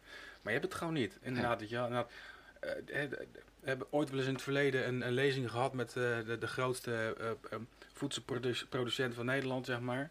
Ehm, en daar hadden ze het over het eiwit van de polvis. Hebben die wel eens gehoord? Het eiwit van de polvis, nee. Oké, dat is heel leuk. nieuw. Die is overigens niet van mij. Die is, eh, deze, deze, deze anekdote heb ik ooit zeg maar, van, van Peter Klossen. Ehm, Peter zei van, joh, het was een, was een seminar en, en, en dat ging over een wetenschapper en die ging vertellen over het eiwit van de polvis. Nou, die is natuurlijk zijn lippen, hing zijn lippen. En het ging namelijk over dat iemand ooit bedacht heeft, zeg maar, waarom vissen die in de poolcirkel zwemmen niet bevriezen. Nou, dat is best interessant natuurlijk. Hè? Ik bedoel, eh, dat schijnt dus een eiwit te zijn, nou, dat kun je isoleren. En als je dat eiwit isoleert, kun je het ook weer gebruiken zeg maar, ergens anders in. Nou, dat schijnt dus eh, door de grootste ijsjesmaker van Nederland ooit zeg maar, in onze ijsjes gestopt te zijn, waardoor ijs minder snel smelt. En dus de vraag is ook veel, waarom mag ijs niet smelten? Nou ja, dat willen ze natuurlijk gewoon op die manier voorkomen. Nou, ik heb dat een keer getest. Ik heb zo'n ding eh, in, de, in de gootsteen gelegd. En de volgende morgen had hij inderdaad gewoon nog steeds dezelfde vorm. Was uiteraard niet meer bevroren, maar de- er worden ook wel eens dingen andersom eh, ingezet. eh. ja, ja, apart is dat, hè. Maar Goed. Goed, er gaat een hoop, ehm, een hoop mis. Gaan er Ja. ook dingen goed? Jawel, kijk, ehm, die groenteproductie in Nederland die gaat echt wel goed. Ja. Eh, wij kunnen jaar rond uitstekende groenten maken, meest beschermd. Eh, als je dan eh, David Attenborough ziet met al zijn problemen van de wereld ziet en dan noemt de Nederlandse glastuinbouw als voorbeeld, Ja. hoe het dan wel moet. En we kunnen die kennis over de wereld gaan. Prachtig gaan- trouwens, Ja. Maar, ja, maar hij zegt het eventjes zo van, ja, maar er zijn een aantal mensen die het opgelost hebben. Kijk, een land dat heel dicht bewolkt is, zoals Nederland, met veel intelligentie, aan een delta, daar kan je heel veel dingen uitdokteren. Mhm. En die kennis moet je weer gaan delen met andere mensen, waar het dus minder druk bevolkt is. Bewolkt is. En, en ehm, ook weer spannend. Dus we hebben in Nederland, in mijn gevoel, goud in de klauwen. Mhm. Alleen we moeten het eventjes doen. En het beste doe je door te bewijzen dat die bevolking gezonder wordt. Mijn droom is dat eh, over tien jaar de minister van eh Volksgezondheid van Duitsland zegt tegen de minister van Volksgezondheid in Nederland van hoe kan het nou dat bij jullie diabetes 2 teruggedraaid is? Dat je van 1,2 miljoen mensen terug bent gegaan naar 500.000. En dat het antwoord dan is, dan moet je vragen aan de minister van Landbouw. Die heeft het geregeld.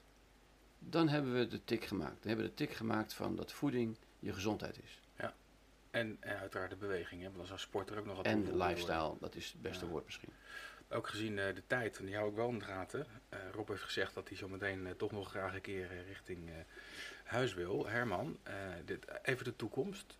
Als je kijkt naar de Blue Sky, is die ver weg, die toekomst? Of mag die dichterbij zijn? Hoe ziet die eruit bij jou? Nou, ik werk met olievlekjes. Want, maar ik heb, de, ik heb de drang om er een guerrilla-beweging van te maken. Alleen, ja, dan moet ik, dat, dat is mijn karakter, maar dat, dat is niet de manier. Dus ik doe het met olievlekjes en laten zien dat het werkt. En ik hoop dat we daar de beweging groot kunnen maken. Maar we moeten wel nu beginnen, onderop. En we moeten daar goede mensen bij halen. En die goede mensen komen bij bosjes. Ik ben eh, helaas begonnen, maar ook weer niet begonnen. En ik krijg wekelijks uit alle hoeken en gaten mensen van wat doe je goed, kan je me helpen, wat kan ik je sponsoren. Eh, dus kortom, er zit best wel een beweging die dit wil op gaan pakken. En eh, nou, ik hoop dat ik daar mijn bijdrage mag leveren. Eh, en dat betreft eh, weet ik zeker dat ik bij Rob nog een keertje terugkom. Maar ik ga het eerst op eigen kracht oppakken. Rob heeft zijn eigen source en ik heb mijn eigen passie. Ja. En ik heb ervan besloten, ik doe dat minimaal een jaar. Het zal waarschijnlijk twee jaar worden, omdat ik gewoon afgelopen jaar stil moet zitten.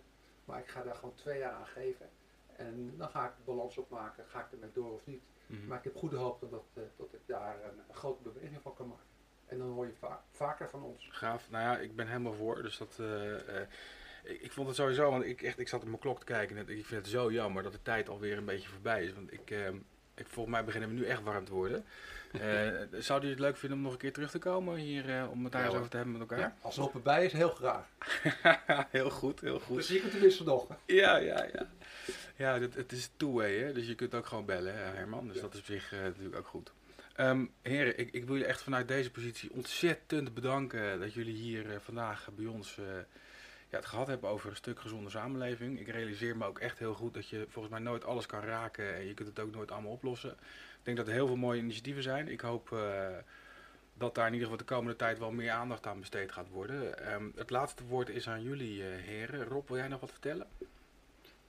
Nee, nee, ik vind het, dat je het erg goed doet. Je, Je- je, ja, je kan goed interviewen, daar moet je werk van maken. dat is voor mij nieuw inderdaad dit, maar dat, ik vind het wel heel leuk hoor. Nou, is niet waar trouwens. Ik zit ook heel lang bij een sprekersbureau waar ik praat over gastvrijheid en dat soort zaken. Maar eh, ik vind het wel heel leuk, maar ik vind het vooral ook heel leuk zeg maar, hoe, dat, eh, hoe dit gaat. En hoe zo'n hoe zo'n gesprek zeg maar, eh, vormen gaat krijgen. En ja, fantastisch. Ik leer daar ook heel veel van. En ik, eh, ik, ik, ik begin nog energieker aan deze dag, denk ik. Rob, dankjewel voor, jou, eh, voor jouw Graag tijd. gedaan. Herman, wil jij nog wat vertellen? Nou, ik hoop dat ik eh, vaker gebruik maken van jouw netwerk. Ik ben een netwerker puur zak, zoals Ja. dat weet. En Nou, studio is altijd voor jullie beschikbaar, Oh, jongens. Als jullie eens een keer hier wat willen opnemen of willen doen, eh, Ja. hij staat er, hè, dus Ja. geen enkel probleem. Nou, wil ik heel graag gebruik van Ja. maken. Want eh, ik ben zelf ook, ik geloof heel erg in podcast. Eh, ik luister er niet zo vaak naar, zeg ik er eerlijk bij. Maar mijn kinderen wel. En ik zie wat voor impact dat heeft. Dat is echt enorm groeiende. Mhm. Dat moeten we niet onderschatten. Maar de kracht is, dan krijg je ook echt aandacht. Want we zijn zo fragmentarisch aan het consumeren. Mhm. We lezen een blogje, dat mag vijf, aline- vijf alinea's maximaal zijn. Ja. En naar een podcast willen we luisteren. En dan vinden we fijn om in de auto of in de trein te zitten of in bed te lu- naar te luisteren. Dus ik ben ook weer heel blij dat er weer aandacht is voor elkaar op die manier. Dus ontzettend bedankt dat we hier mochten zijn. En ontzettend bedankt voor de passie over het onderwerp. Ik ben er heel blij van Ja. geworden. Hartstikke goed, jongens. Een hele fijne dag vandaag. eh, en tot heel gauw dan maar, hè. Ja.